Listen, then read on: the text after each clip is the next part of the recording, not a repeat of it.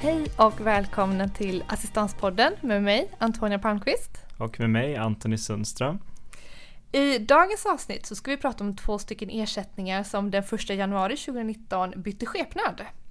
Dessa två ersättningar det är vårdbidrag och handikappersättning som har bytt skepnad till omvårdnadsbidrag och merkostnadsersättning. Och jag tänkte säga, det här är inte direkt kopplat till personlig assistans, men det är någonting som vi får väldigt mycket frågor om. Så vi tänkte att ja, men då drar vi ett avsnitt av detta och liksom försöker reda ut vad de här e-, ersättningarna är för någonting.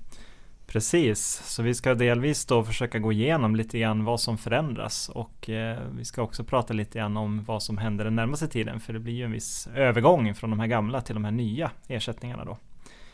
Och hur det då ska gå till. Precis. Och jag kan ju säga att det är ju här, eftersom det inte är någonting med assistans att göra så är ju inte vi experter inom det här området. Så är det så att eh, man vill veta mer om de här ersättningarna så får man gå in på Försäkringskassans hemsida. Mm. Men om vi då ska börja med att definiera de nya ersättningarna så kan man ju väldigt enkelt säga att vårdbidraget då kommer att ersättas med både omvårdnadsbidrag och merkostnadsersättning. Och eh, om man istället då tittar på handikappersättningen så kommer man helt enkelt ta bort den del som har gällt till sin omvårdnad och kommer bara då att kunna bevilja det för merkostnadsersättning. Och vad är då syftet med, att, med den här förändringen? Ja, det är som i de flesta andra fall, det är att man vill skapa en ett enklare och tydligare, mer, alltså mer modernt regelverk för personer med funktionsnedsättning. Eh, och exempelvis då så kan två föräldrar ansöka om och beviljas omvårdnadsbidrag och merkostnadsersättning för ett barn som har funktionsnedsättning. Så man vill helt enkelt göra det här lite enklare. Så jag tror att det kan bli ganska bra faktiskt. Mm. Om vi tittar lite närmare då på just vårdbidraget så som jag sa så har de då valt att dela upp det i två olika ersättningar som man kan söka. Delvis den ena då som heter omvårdnadsbidrag och den andra som heter merkostnadsersättning. Eh, tidigare när man har bedömt vårdbidraget då har man gjort en slags sammanslagning av de här två där man delvis har tittat på om man har ett visst behov av tillsyn eller, eller särskild vård då. Och om man har haft eh, merkostnader på grund av den funktionsnedsättning som man har. Och sen har man gjort en, en samlad bedömning av det och sett om man har rätt till ersättningen eller inte och i vilken nivå då. Men nu kommer man istället att titta på det så att man, man tittar på delvis om man har ett omvårdnadsbehov och då kan man då få omvårdnadsbidrag för det. Och å andra sidan så kan man också söka då eh, den här så kallade merkostnadsersättningen för den del som gäller merkostnader helt enkelt. Vi tänkte att lite senare i avsnittet så ska vi gå igenom just vad sådana här merkostnader kan vara. Men, mm. det, men det väntar vi lite med. Men det som jag ändå kan säga är att eh, man vill ju göra det här regelverket lite enklare. Och det är också jag tänker för att förtydliga så här, vad kan man Alltså vad kan man ha för eh, extra ersättningar samtidigt som man har personlig assistans? Mm. För det tycker jag inte är jättetydligt som det är idag. Så här, om jag har personlig assistans har jag då också rätt att få vårdbidrag. Med de här nya ersättningarna så tänker jag att det blir lite lättare att mm. så här, definiera vad kan man få eh, omvårdnadsbidrag för, vad kan man få merkostnadsersättning för. Och så som det är att om man har personlig assistans eller assistansersättning så kan man också då söka merkostnadsersättning. Mm. Men man kan inte söka omvårdnadsbidrag. Visst förstår jag det rätt? Ja, precis. Det är precis som du beskriver Antonija, just att tidigare eftersom det var en samlad bedömning av både omvårdnadsbehovet och merkostnaderna, men det kallades för vårdbidrag, så blev det ju lätt så att det, det, det var svårt att se vad man har fått vårdbidraget för och då måste man gå in i beslutet och titta närmare på är det för merkostnader, är det för omvårdnad, är det för både och? Och eh, då kan det bli problem när man har fått assistans och då kanske man dessutom har fått assistans för samma omvårdnadsbehov och det kan man inte ha rätt till då. Så nu i och med att man delar upp dem som du säger så, så blir det lättare helt enkelt att se att då kanske man får för merkostnadsdelen och då är det merkostnadsersättningen då. Men ändå för att förtydliga som det har sett ut så har man ju kunnat få då vårdbidrag och assistans samtidigt men mm. inte för samma delar. Så man har fått ett mindre vårdbidrag eh, då om man har assist personlig assistans. Precis, och, och låter det komplicerat Ja, ja det gör det nog. det tycker jag. Och då kan vi nog också konstatera att det blir lite lättare nu med de här nya ersättningarna helt enkelt. Eh, en annan förändring också som man då ser är att man har eh, gjort om i föräldraledighetslagen så att föräldrar har rätt till förkortad arbetstid om det finns ett beslut om vårdbidrag eller om omvårdnadsbidrag för barnet då. Och tanken med det här är att det ska göra det enklare för föräldrar att kunna kombinera arbete med att ge sitt barn omvårdnad och tillsyn. Ja, och det som vi pratat om nu det var just det här vårdbidrag som gäller för barn. Eh, och det kommer då bytas, byta skepnad till omvårdnadsbidrag och merkostnadsersättning för barn. Och det, om man går in på Försäkringskassans hemsida så är det just den uppdelningen som man gör. Mm. Sen så kan man titta på merkostnadsersättning för vuxna. Mm. Och detta har ju då tidigare hetat handikappersättning. Precis, och eh, här är en viktig skillnad då som vi varit inne lite kort på att man nu gör om handikappersättningen genom att man helt enkelt bryter ut den delen som tidigare gällde för omvårdnad och eh, den har man helt enkelt tagit bort i ersättningen. Och tanken med det, det är att man har sett att många vuxna som har de här typerna av behov ofta har fått dem tillgodosedda genom andra stöd där personlig assistans är ett sådant stöd som man typiskt sett brukar kunna få. Och eh, då har man då valt att istället göra det här till en renodlad merkostnadsersättning så, så att man kan söka den helt enkelt om man har merkostnader på grund av sina funktionsnedsättningar. Då. Man kan säga att det finns fortfarande en lagstadgad rätt för, till ersättning för blinda och personer med grav hörselnedsättning så där har det inte förändrats. Om man tittar då på den tidigare handikappersättningen så kunde denna beviljas i tre olika ersättningsnivåer medan den här nya merkostnadsersättningen istället innehåller fem olika ersättningsnivåer. Det som jag tycker är intressant med just den här merkostnadsersättningen är att man har eh, sänkt ribban för att eh, kunna bli beviljad merkostnadsersättning. Jag tror till och med någon tusenlapps skillnad mellan de här två olika mm. ersättningarna. Det finns också vissa skillnader när det gäller eh, hur, hur långt retroaktivt som man kan söka då för att få de här ersättningen då. Tidigare var det så att handikappersättningen så kunde man söka retroaktivt upp till sex månader innan man lämnade in ansökan då. Eh, men nu i och med merkostnadsersättningen så kan man då bara söka för tre månader retroaktivt. Det har också skett lite förändringar kring hur omprövning kommer gå till. Ja, tidigare var det så att eh, man omprövade bara ett beslut om handikappersättning när det hade skett ändrade förhållanden. Eh, men nu kommer man då också införa en, en omprövning som sker minst vart fjärde år om det då inte finns skäl att eh, pröva det med ett längre tidsintervall, alltså med längre tid emellan då. Och man kommer också då pröva om beslutet om det sker någon förändring som påverkar rätten till ersättningen.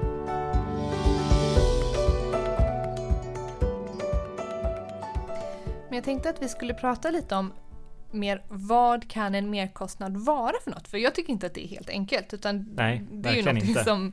ja, man, man inte helt enkelt vet. Och det är inte så att om man går in på Försäkringskassans hemsida så står det liksom inte uppradat utan då får man, mm. man får gå in och läsa i deras vägledning som är ganska alltså, svårläst om man tänker. Alltså den är lite mm. krånglig. Eh, mm. och sen så finns det något PM som de har skrivit från 2016 Ja precis, där de går igenom lite grann om, om merkostnaderna. Mm. Så vi tänkte vi kanske skulle prata lite om vad skulle kunna vara en merkostnad? Ja, om vi ska börja med att definiera merkostnad så ska man väl egentligen tänka alltså att en, en extra kostnad som kommer just på grund av att man har en funktionsnedsättning. Och några vanliga exempel på sådana typer av merkostnader som vi ser ofta då när, när det här eh, kommer upp det är ju till exempel vårdkostnader som man själv får bekosta.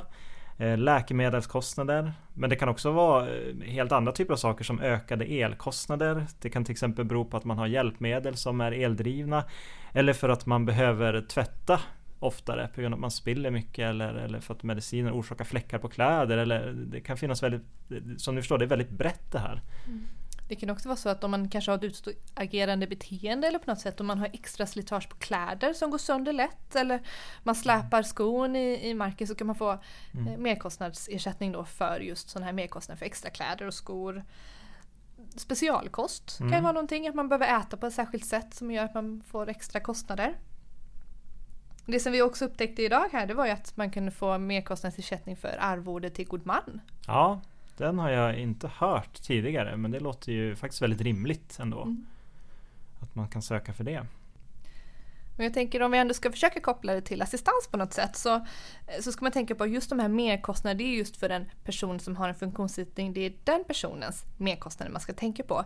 Inte exempelvis om man har en assistent och den i sin tur har merkostnader. Såsom eh, kanske plasthandskar, kaffe hemma. Eh, för det ska ju täckas av eh, assistansersättningen. Mm. Man pratar om assistansomkostnader som är godkända. Ja men precis. Och vad, vad kan de här assistansomkostnaderna vara för någonting? Ja, precis som du var inne på. Kaffe eller, eller handskar. Men det skulle kunna vara ett, ett bra exempel som jag brukar använda mig av. Det är just det att om man har personliga assistenter hemma hos sig. Då behöver de typiskt sett kunna gå på toa också.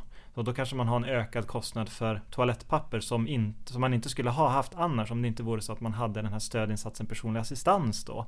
Och då blir det alltså en assistans som kostnad eftersom det, det är en kostnad på grund av assistenterna helt enkelt. Så det är ju lite, alltså det är ju lite rörigt när man ska tänka på vad, vilken kostnad är kopplad till den enskilde och vem, vilken kostnad är kopplad till assistenten. Ja, precis. Och det gäller verkligen att hålla isär de här. Men nu tänker jag ju också som så att Försäkringskassan ska ju faktiskt hjälpa till när de utreder, när man söker för något sånt här. Så jag tänker att den dialogen kan man ha också med sin handläggare helt enkelt och fråga, är det här en merkostnad som jag kan söka för? Och sen är det upp till Försäkringskassan att göra en bedömning om det är en godtagbar merkostnad inom då merkostnadsersättningen eller inte. Men jag kan tänka, det, det som vi har tagit upp nu det är ju inte heller någon uttömmande eh, lista på vad som kan vara en merkostnad utan det är också helt upp till den enskilde. Vad har mm. den personen för, mm. för eh, kostnader helt enkelt. Precis, jag brukar tänka ganska brett där nu när man får frågan också. Just att, alltså för många gånger när, när man pratar med föräldrar till exempel eh, eller vuxna för den delen men då får man ju höra också om, om, om sådana kostnader som de har som jag själv tänker att jag inte skulle haft. Eh, eh, och, och, och då, då, är det ju också kanske någonting som, som går utöver som är orsakad av funktionsnedsättningen då. Och det kan vara, som vi sa, lite allt möjligt här. Och det som, som Försäkringskassan skriver i sin vägledning är att man behöver inte heller visa upp kvitton för att så här, så här, styrka att man har de här kostnaderna utan man, man säger de här kostnaderna har jag, de kommer jag ha under året och det kommer kosta så här mycket. Sen så gör Försäkringskassan en egen bedömning då om de tycker att det är rimligt och att det är något som de kan bevilja som en merkostnad. Mm. Och då får man, kommer man hamna någonstans på de här olika, fem olika nivåerna då helt enkelt.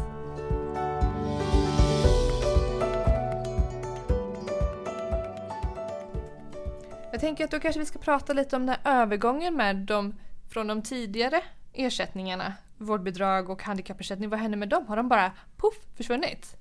Nej, de gör ju inte det utan eh, det finns vissa speciella regler som gäller och här skiljer det sig lite grann åt mellan vårdbidraget och handikappersättningen och hur de här upphör och när då. När de ska gå över till de här nya ersättningarna. Men något som det är viktigt att tänka på det är att de inte automatiskt går över till de nya ersättningarna utan man måste söka dem. Och vi ska väl prata lite grann om, om hur det här då kommer att gå till. Om vi tittar på vårdbidraget då så har det fungerat så att det i regel prövas om vartannat år. Och när det nu gäller med övergången till de här nya bestämmelserna så innebär det att när man prövar om ett beslut om vårdbidrag efter den 1 januari 2019 och framåt då så kommer beslutet om vårdbidrag upphöra att gälla. Och då måste man istället ansöka på nytt, antingen då om omvårdnadsbidrag eller merkostnadsersättning eller båda helt enkelt beroende på hur behovet ser ut då. För handikappersättningen däremot så, så beror övergången till de här nya ersättningen då istället på när beslutet om handikappersättning ska omprövas.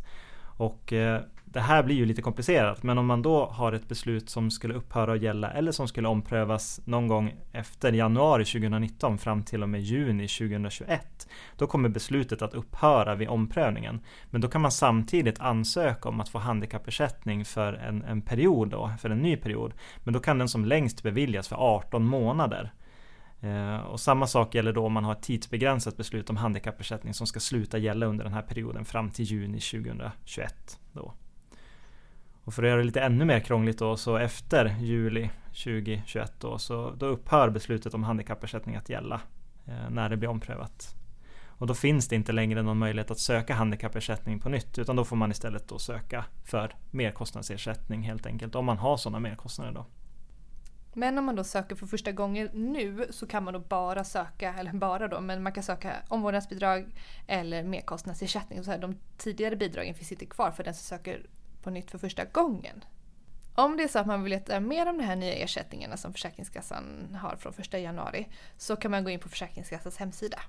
Precis, eh, eller ta kontakt med Försäkringskassan och ställa era frågor till dem. Så. Har man mer generella frågor så kan man ju faktiskt även kontakta oss så ska vi, kan vi försöka hjälpa till. Men som sagt, vi är inte experter inom området men ändå har, har ändå ganska mycket kunskap. Mm. Då kan man göra det på assistanspodden humana.se. Ja. Men du Antonia, nu har vi fått en eh, lyssnarfråga också som vi ska försöka besvara här. Ja, jag har fått en, en fråga mejlad till mig och den mm. lyder så här. Vem har juridiskt ansvar för en vuxen person som hamnar i en situation där hen inte längre kan ta hand om sig själv? Vad händer den dagen då vi föräldrar inte orkar? Vem träder in som ansvarig? Det tycker jag är en jätteintressant fråga. Väldigt, eh, väldigt svår fråga eftersom det, det kan ju se lite olika ut. Jag tänker, vi har ju i ett tidigare avsnitt pratat om just föräldraansvar. Men mm. det här mm. föräldraansvaret det räcker ju inte hur länge som helst. Man har ju inte ett föräldraansvar under hela den tid som man är förälder. Utan det, det ska ju avslutas någon gång, typ när man är 18 år. Absolut. Mm. Typiskt sett så ser man ju att ett normalt föräldraansvar upphör att gälla när man blir vuxen. Precis. Och tittar man på vem är det som har det övergripande ansvaret? Ja men då, då landar vi faktiskt på kommunen. Mm. Så att det är kommunen som ska hjälpa till om det skulle vara så att man råkar ut för en olycka och är i behov av olika insatser. Det kan ju vara assistans exempelvis eller hemtjänst, boende. Det kan ju vara att man behöver söka godmanskap eller att man behöver annan typ av stöttning och det är det här som kan eh, Det beror helt enkelt på omständigheterna och vad det är för behov man har hjälp av. Så. Men det, det är kommunens ansvar att eh, se till att man får den hjälp man behöver. Och där tänker jag att det blir en samverkan mellan landstinget och kommunen. För det kan ju vara så att om den här vuxna personen råkar ut för en, exempelvis en bilolycka så mm. hamnar man på sjukhuset då är det ju landstinget som ska kalla till ett sånt här vårdplaneringsmöte. Då, är, då kallar landstinget ja, men kommunen och så pratar man om vad är det för insatser som krävs för att den här personen ska kunna komma hem. Ja, precis. Och i, redan i det skedet så kan ju då kommunen eh, antingen så informera om möjligheten att söka en god man som då kan hjälpa till med just de juridiska och ekonomiska delarna. Men det kanske också skulle kunna vara aktuellt med ett förvaltarskap. Precis, och här är vi inne på just sådana frågor där, där man behöver just sjukvårdens bedömning också. Att, att de måste helt enkelt bedöma om det behovet finns eller inte. För det kan inte kommunen bedöma själva då. Precis, så det, det, är samverkan mellan landstinget och kommunen. Men det är ju kommunen som har det yttersta ansvaret för sina invånare. Mm. Så jag hoppas att detta var svar på din fråga. Och, men som sagt, är det så att man har mer frågor och vill veta lite mer om detta så kan man absolut ta kontakt med oss. Också där kan man kontakta oss på assistanspodden humana.se. Och då tänker jag att vi kommer att runda av och vi vill tacka så mycket för att man har lyssnat på oss om just de här olika ersättningarna från Försäkringskassan. Ja, tack så mycket. Tack, hej. Hej.